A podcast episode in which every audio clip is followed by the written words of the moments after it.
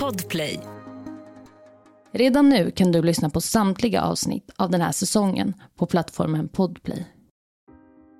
Det är den 4 mars 2012. Vi befinner oss på Nykobing Falsters sjukhus i Danmark på den medicinska avdelningen M130. Arne Herskov är 72 år gammal. Han hade lagts in på sjukhuset den 17 februari då hans kropp varit illa däran. Han hade under större delen av sitt liv rökt och druckit enorma mängder alkohol. Men Arne hade återhämtat sig under sin tid på den medicinska avdelningen. Han mådde bättre och planerades att skrivas ut den 5 mars 2012. Alltså en dag senare. Men så skulle det inte bli. Du lyssnar på Jakten på mördaren. En podcast av Saga Lindqvist Brinkhorn. Jag vill varna för grovt innehåll i dagens podcastavsnitt.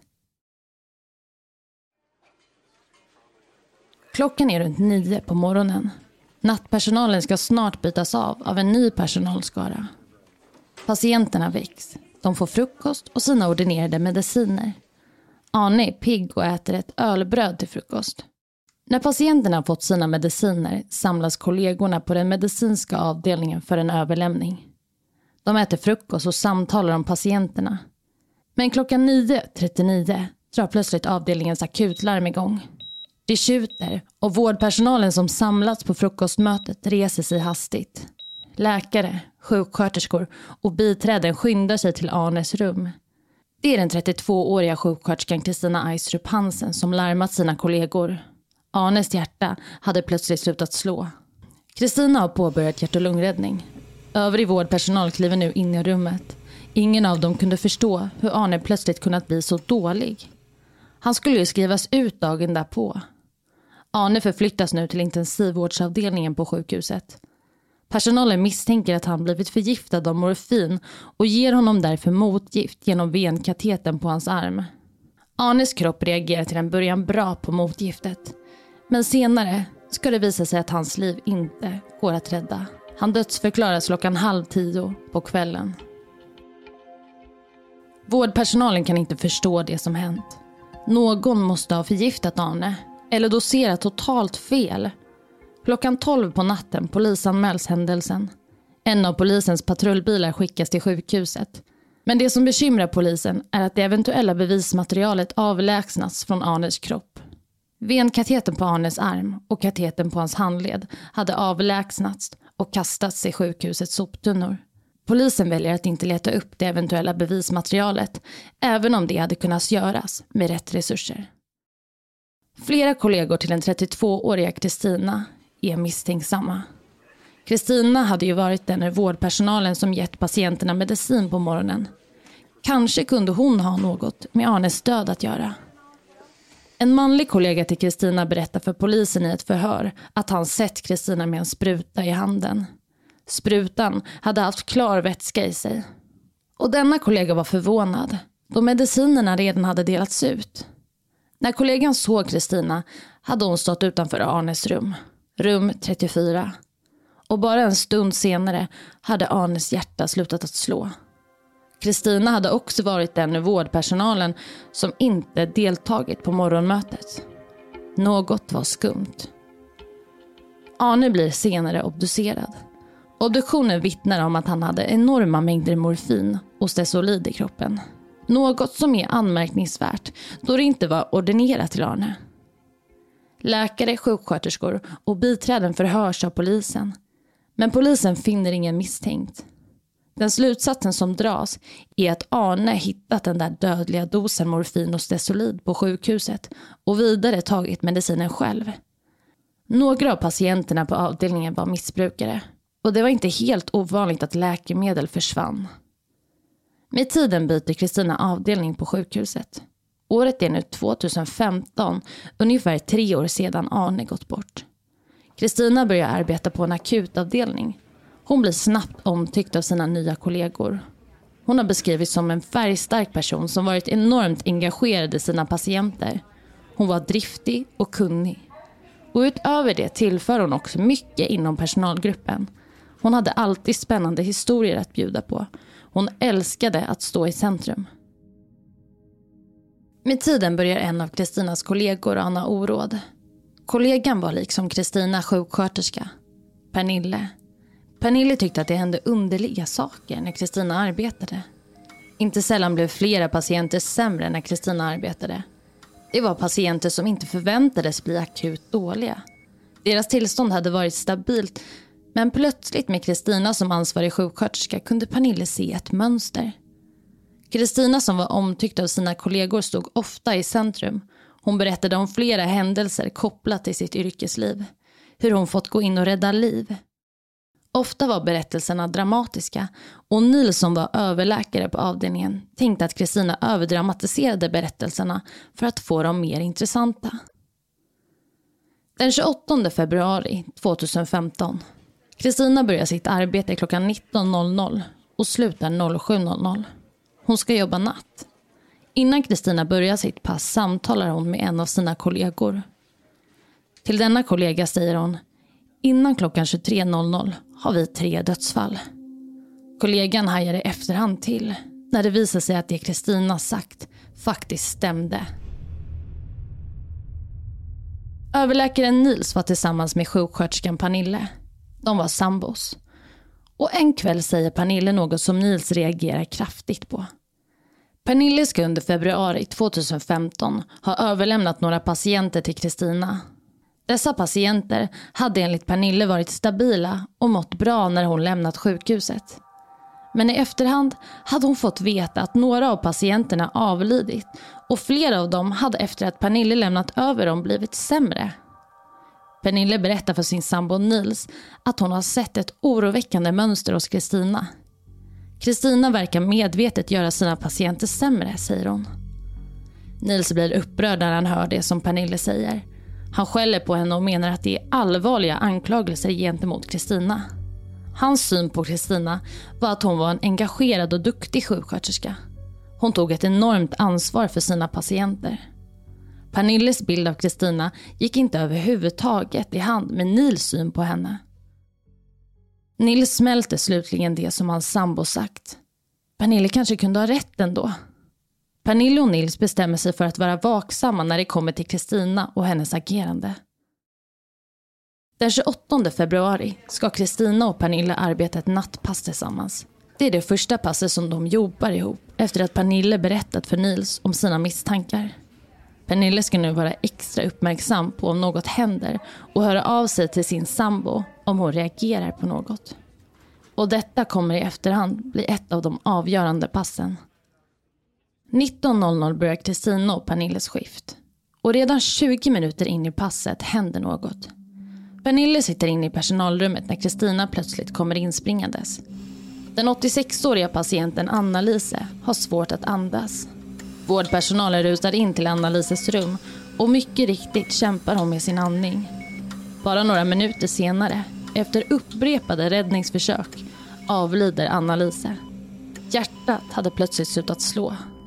Anna-Lise hade varit svag tiden innan, men hon hade inte varit döende. Och Pernilla hade överhuvudtaget inte kunnat förutse att döden skulle komma i ett så tidigt skede. Pernille smsar Nils. Hon skriver “Den första patienten har redan dött”. Nils kan inte tro det han läser. Kunde det verkligen stämma? Att Kristina låg bakom flera patienters död? Nils och Pernilla har tidigare pratat om att göra en eventuell polisanmälan gentemot Kristina. Men utan bevis skulle de se ut som monster. Att anklaga någon för ett så pass allvarligt brott? Nej, det kunde de inte göra utifrån endast spekulationer. De behövde bevis. Och bevis, det skulle nu Pernille säkra. Nattpasset fortsätter. Ganska snart efter Anna-Lises död uppstår ytterligare en akut situation. 66-åriga Viggo får plötsligt svårt att andas. Han blir väldigt dålig och det är snabbt.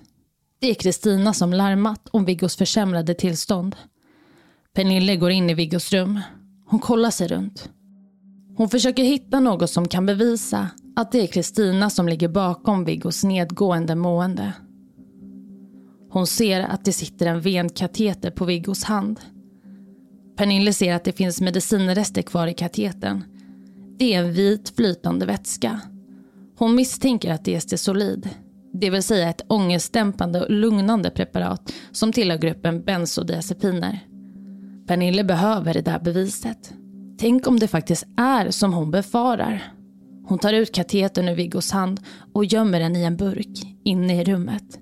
Senare ska hon överlämna det potentiella bevismaterialet till polisen. Ja, hörni, det är ju minst sagt obehagligt om det är så som Pernilla misstänker. Nu har alltså en patient mist sitt liv denna kväll och Viggo har precis blivit försämrad. Och nu tror ju Pernilla att det är Stesolid i kateten som hon funnit på Viggos hand. Och en överdos av Stesolid kan leda till följande. Försämrad koordinationsförmåga, sömnlik dåsighet, trötthet, förvirring, sluddrigt tal, muskelsvaghet och lågt blodtryck. En allvarlig överdosering kan leda till koma, hjärtstillestånd och allvarliga andningssvårigheter. Ja, allt är väldigt mystiskt. Vi går vidare. Viggo har försämrats. Pernille går förbi hans rum och ser då att Kristina står där inne. Kristina ser Pernille och kallar till sig henne. Pernille ser nu att Viggo avlidit. Precis som tidigare patient har han dött av hjärtstopp. Pernille smsar återigen sin sambo. Hon skriver. Det var det andra dödsfallet och jag tvivlar inte längre. Snart larmar Kristina sina kollegor igen. Ytterligare en patient har blivit försämrad. Det är 72-åriga Maggie. Hon har plötsligt blivit förvirrad och börjat kräkas. Läkare och sjuksköterskor på avdelningen kan inte förstå varför Maggie plötsligt blivit så dålig. Kristina är djupt engagerad. Hon försöker hitta en anledning till Maggies tillstånd. När Pernille är ensam i rummet med Maggie tar hon tag i den genomskinliga påsen i soptunnan. Hon knyter ihop påsen och ersätter den med en ny. Kanske kan det finnas betydande bevis i påsen som hon just säkrat. Hon gömmer den för att senare kunna överlämna den till polisen. När Pernille lite senare går förbi Maggis rum ser hon Kristina som står bredvid Maggis säng. Pernille frågar Kristina om hon behöver hjälp med något. Kristina vänder sig chockat mot Pernille samtidigt som hon gömmer något under armen. Pernille ser att Kristina försöker dölja två sprutor. Kristina säger att hon bara är där för att titta till Maggie. Men bara några minuter senare får Maggie hjärtstopp. Som vanligt är det Kristina som larmar övrig personal. Vårdpersonalen kämpar för Maggies liv. De pumpar i henne motgift mot morfin och hennes kropp reagerar bra på motgiftet. En stund senare ger de henne också motgift mot Stesolid. Och på bara några minuter sätter sig Maggie upp och ber om ett glas vatten. Mirakulöst nog överlever Maggie. Men Pernille är inte glad. Hon är förbannad, rädd och övertygad om sin sak. Annelise och Viggo hade avlidit under nattpasset och Maggie hade varit nära döden. Pernille smsar sin sambo och berättar att Maggie varit nära att dö. Nils ber Pernille att hålla masken. Hon har bara två timmar kvar på passet. Därefter ska hon och Nils tillsammans agera. Det är nu morgon och Nils åker till sitt arbete. Han kontaktar nu polisen och berättar om de märkliga dödsfallen på sjukhuset. Han säger att han tror att det är en av sjuksköterskorna på avdelningen som är involverad i händelserna. Polisen tar Nils ord på högsta allvar och åker snabbt till sjukhuset för att få en mer samlad bild. Utredare undersöker lokalerna på avdelningen. Efter en rannsakan har polisen nu samlat in omfattande material och potentiella bevis. Materialet som samlats in består bland annat av sprutor som använts på avdelningen under natten. Utredarnas förhoppning är att finna fingeravtryck på sprutorna för att sedan också kunna analysera sprutornas innehåll. Dessvärre visade det sig att samtliga sjuksköterskor varit noggranna med att använda handskar och sprit. Därav hittar man inga fingeravtryck eller något DNA. Vid den här tidpunkten vet man dock inte om det faktiskt föregåtts något brottsligt i samband med patienternas död. Men man arbetar utifrån en hypotes om att ett brott begåtts och förhör nu samtliga ur vårdpersonalen på akutavdelningen. Kristina förnekar att hon är inblandad i patienternas död. Men polisen tycker sig nu ha tillräckligt att gå på. Kristina åtalas och häktas samma dag. Viggo och Anna-Lise, patienterna som avlidit under nattpasset, obduceras. Och det visar sig nu att deras kroppar innehåller stora mängder morfin och stesolid. Mängder som inte varit i enlighet med deras ordinationer. Ja, kollegorna förhörs ju nu och polisen vill såklart veta lite om deras syn på Kristina. Och där råder det delade meningar. Vissa tycker verkligen om Kristina och menar att hon är engagerad, rolig och duktig.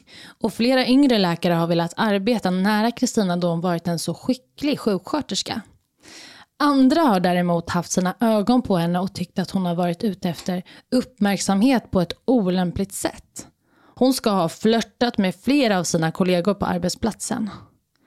Men vem är Kristina då? Jo, Kristina växte upp i Hedeparken i Danmark med sin mamma, pappa, bror och syster. Kristinas föräldrar har beskrivits som engagerade i hennes liv och skolgång. Av sin gamla matematiklärare har Kristina beskrivits som en duktig och trygg flicka. Hon var väldigt omtyckt av sina klasskamrater och verkade må bra. När Kristina var 22 år träffade hon en man som hon blev väldigt förtjust i. De flyttade snart ihop och Kristina blev gravid. Men deras relation är väldigt turbulent och det blir bara sämre och sämre under tidens gång. Kristina och Anders som mannen heter separerar runt årsskiftet 2011-2012. Och det är väldigt stormigt även tiden efter. Anders och Kristina bråkar jämt och ständigt, men det kanske inte är så konstigt. Anders tror nämligen att Kristina gett sömnmedicin upprepade gånger till deras dotter. Och detta ska faktiskt leda till en rättslig process. Man tar tester på dotterns hår för att se om det finns medicinrester i håret. Och det gör det. Anders får därför vårdnaden om dottern. Vi går vidare. Mycket tyder på att det är Kristina som uppsåtligt förgiftat flera av sina patienter. Och nu ska fallet från år 2012 utredas på nytt. Det är fallet om den 72-åriga Arne som plötsligt försämrats och avlidit. Arne hade liksom de andra avlidna patienterna haft stora mängder morfin och stesolid i kroppen. Utredarna försöker skapa sig en bild för ett eventuellt motiv. Om det nu varit Kristina som tagit livet av sina patienter, varför hade hon då gjort det? Polisen kan inte komma fram till något rimligt svar på den frågan. Men däremot ska den rättspsykiatriska utredningen möjligtvis kunna ge dem vägledning för hur Kristina kunnat agera som hon gjort. Kristina gillar att stå i centrum. Hon hade en önskan om att iscensätta drama och att kunna styra över liv och död. Enligt den rättspsykiatriska utredningen framkommer det att Kristina har en så kallad histrionisk personlighetsstörning. En histrionisk personlighetsstörning karaktäriseras av ett tvångsmässigt sökande efter uppmärksamhet. Och det är just sökandet efter uppmärksamhet som formar personens beteende.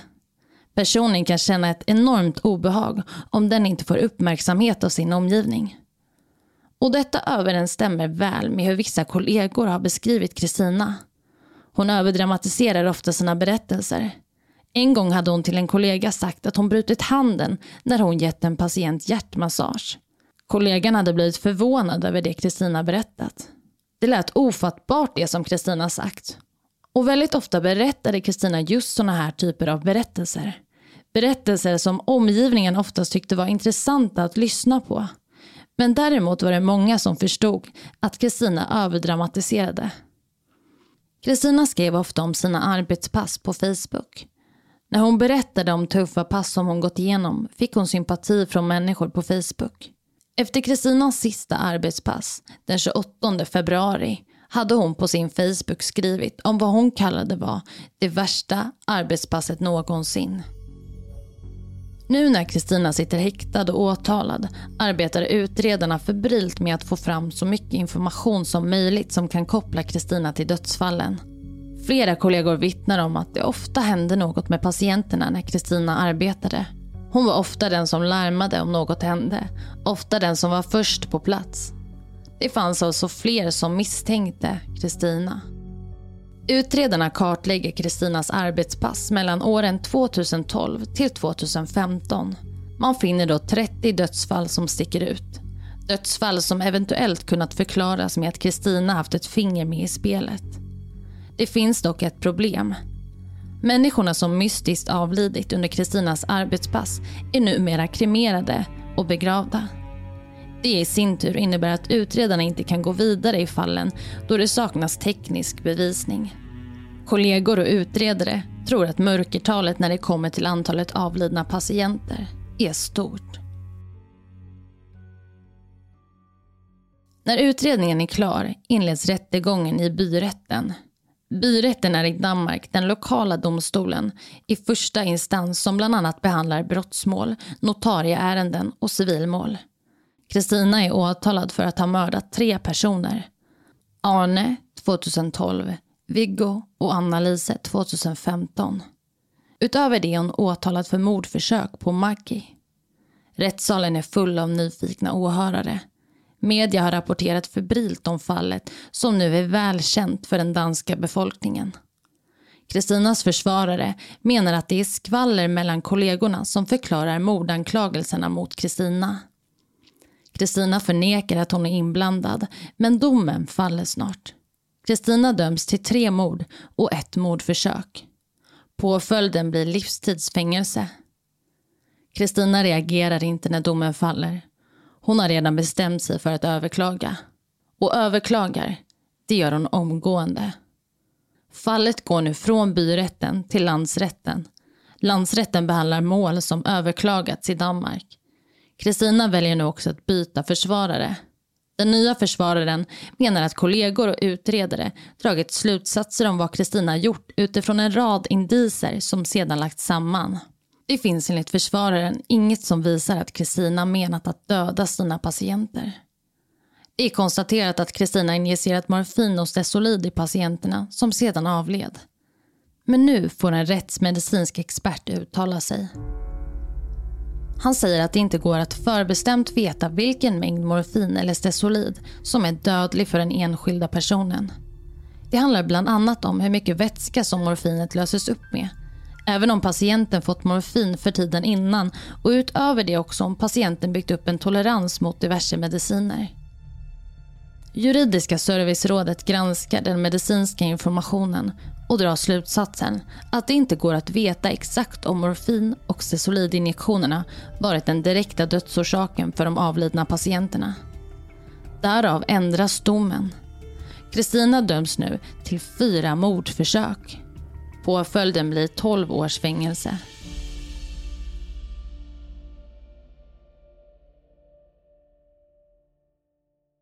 Åklagarmyndigheten menar att motivet för Kristinas agerande varit hennes personlighet. Hon ville styra över livet och döden. Omvärlden var hennes spelpjäser som hon utan någon empati styrde över. Kristina och hennes försvarare är lättade efter domen. Den tidigare livstidsdomen hade inneburit en oviss framtid. Kanske hade Kristina aldrig fått sätta sin fot i samhället igen. Men med den nya domen ser hon en framtid. Efter åtta års fängelse kan Kristina beviljas villkorlig frigivning. I mars 2023 har Kristina avtjänat två tredjedelar av sitt straff. Om myndigheterna då beviljar villkorlig frigivning är Kristina fri att återigen vara ute i samhället. Kristina har berättat om sin situation efter domen i boken Sjuksköterskan, fallet som skakade hela Skandinavien. I boken beskriver Kristina att situationen i fängelset är ohanterlig. Hon säger att hon inte upplevt någon som helst glädje sedan domens fall. Hon pratar dagligen i telefon med sina föräldrar. Ibland får hon besök, då framför allt från sin dotter. Kristina berättar också att hon har mått enormt dåligt och försökt ta sitt liv innanför murarna. Och Kristina har än idag inte förlikat sig med domen. Hon menar att hon är oskyldigt dömd. Ja, Kristina sitter alltså än idag i fängelset. Och det finns ett fall som på något sätt liknar fallet med Kristina. Och det är fallet med den 42-åriga sjuksköterskan Nils Högel som dömdes i juni 2019 för mordet på 85 patienter. Påföljden blev livstidsfängelse. Nils Högel hade då under flera års tid arbetat på ett sjukhus i Tyskland och han lik Kristina var alltid den som var först på plats när en patient höll på att avlida. Han var alltid den som först påbörjade hjärt och lungräddning och var där och larmade de andra. Och med tiden hade hans kollegor, liksom Kristinas kollegor, blivit lite misstänksamma. Det var ju så enormt många patienter som dog när Nils Högel arbetade. Och i efterhand så dömdes ju Nils för 85 mord. Men man tror att det rör sig om betydligt fler mord. Möjligtvis närmare 300 personer som har mist sina liv på grund av Nils. Och motivet för Nils var den där kicken som han fick av sina handlingar. Det var framför allt en situation där Nils mirakulöst lyckas återuppliva en patient som sägs ha utlöst hans beteende. Han hade blivit så enormt hyllad av kollegor och kallades för hjälten efter den där lyckade upplivningsinsatsen. Och den där kicken ville Nils uppleva om och om på nytt. Ja, det finns såklart fler detaljer att gå in på när det gäller fallet med Nils. Men liksom Kristina så sökte han efter dramatik och älskade att stå i centrum. Det här var allt för dagens avsnitt. I nästa vecka kommer du att få ta del av mordet på Kim Wall. Kim Wall var en svensk journalist som skulle göra ett reportage på en ubåt. Men det blev inget reportage och allt slutade i en enorm tragedi. Det här fallet är ganska känt, så många av er kanske känner till fallet. Men ni är flera stycken som har velat att jag gör ett avsnitt av det här. Och det kommer ni få höra i nästa vecka. Men om du inte orkar vänta till nästa vecka så vet du att som vanligt kan du finna alla avsnitt från den här säsongen på plattformen Podplay. Om du vill komma i kontakt med mig så kan du skriva till mig på Instagram där jag heter Saga Springkorn eller mejla till jakten på mordaren at springkorn.se. Tack för att du har lyssnat på dagens avsnitt.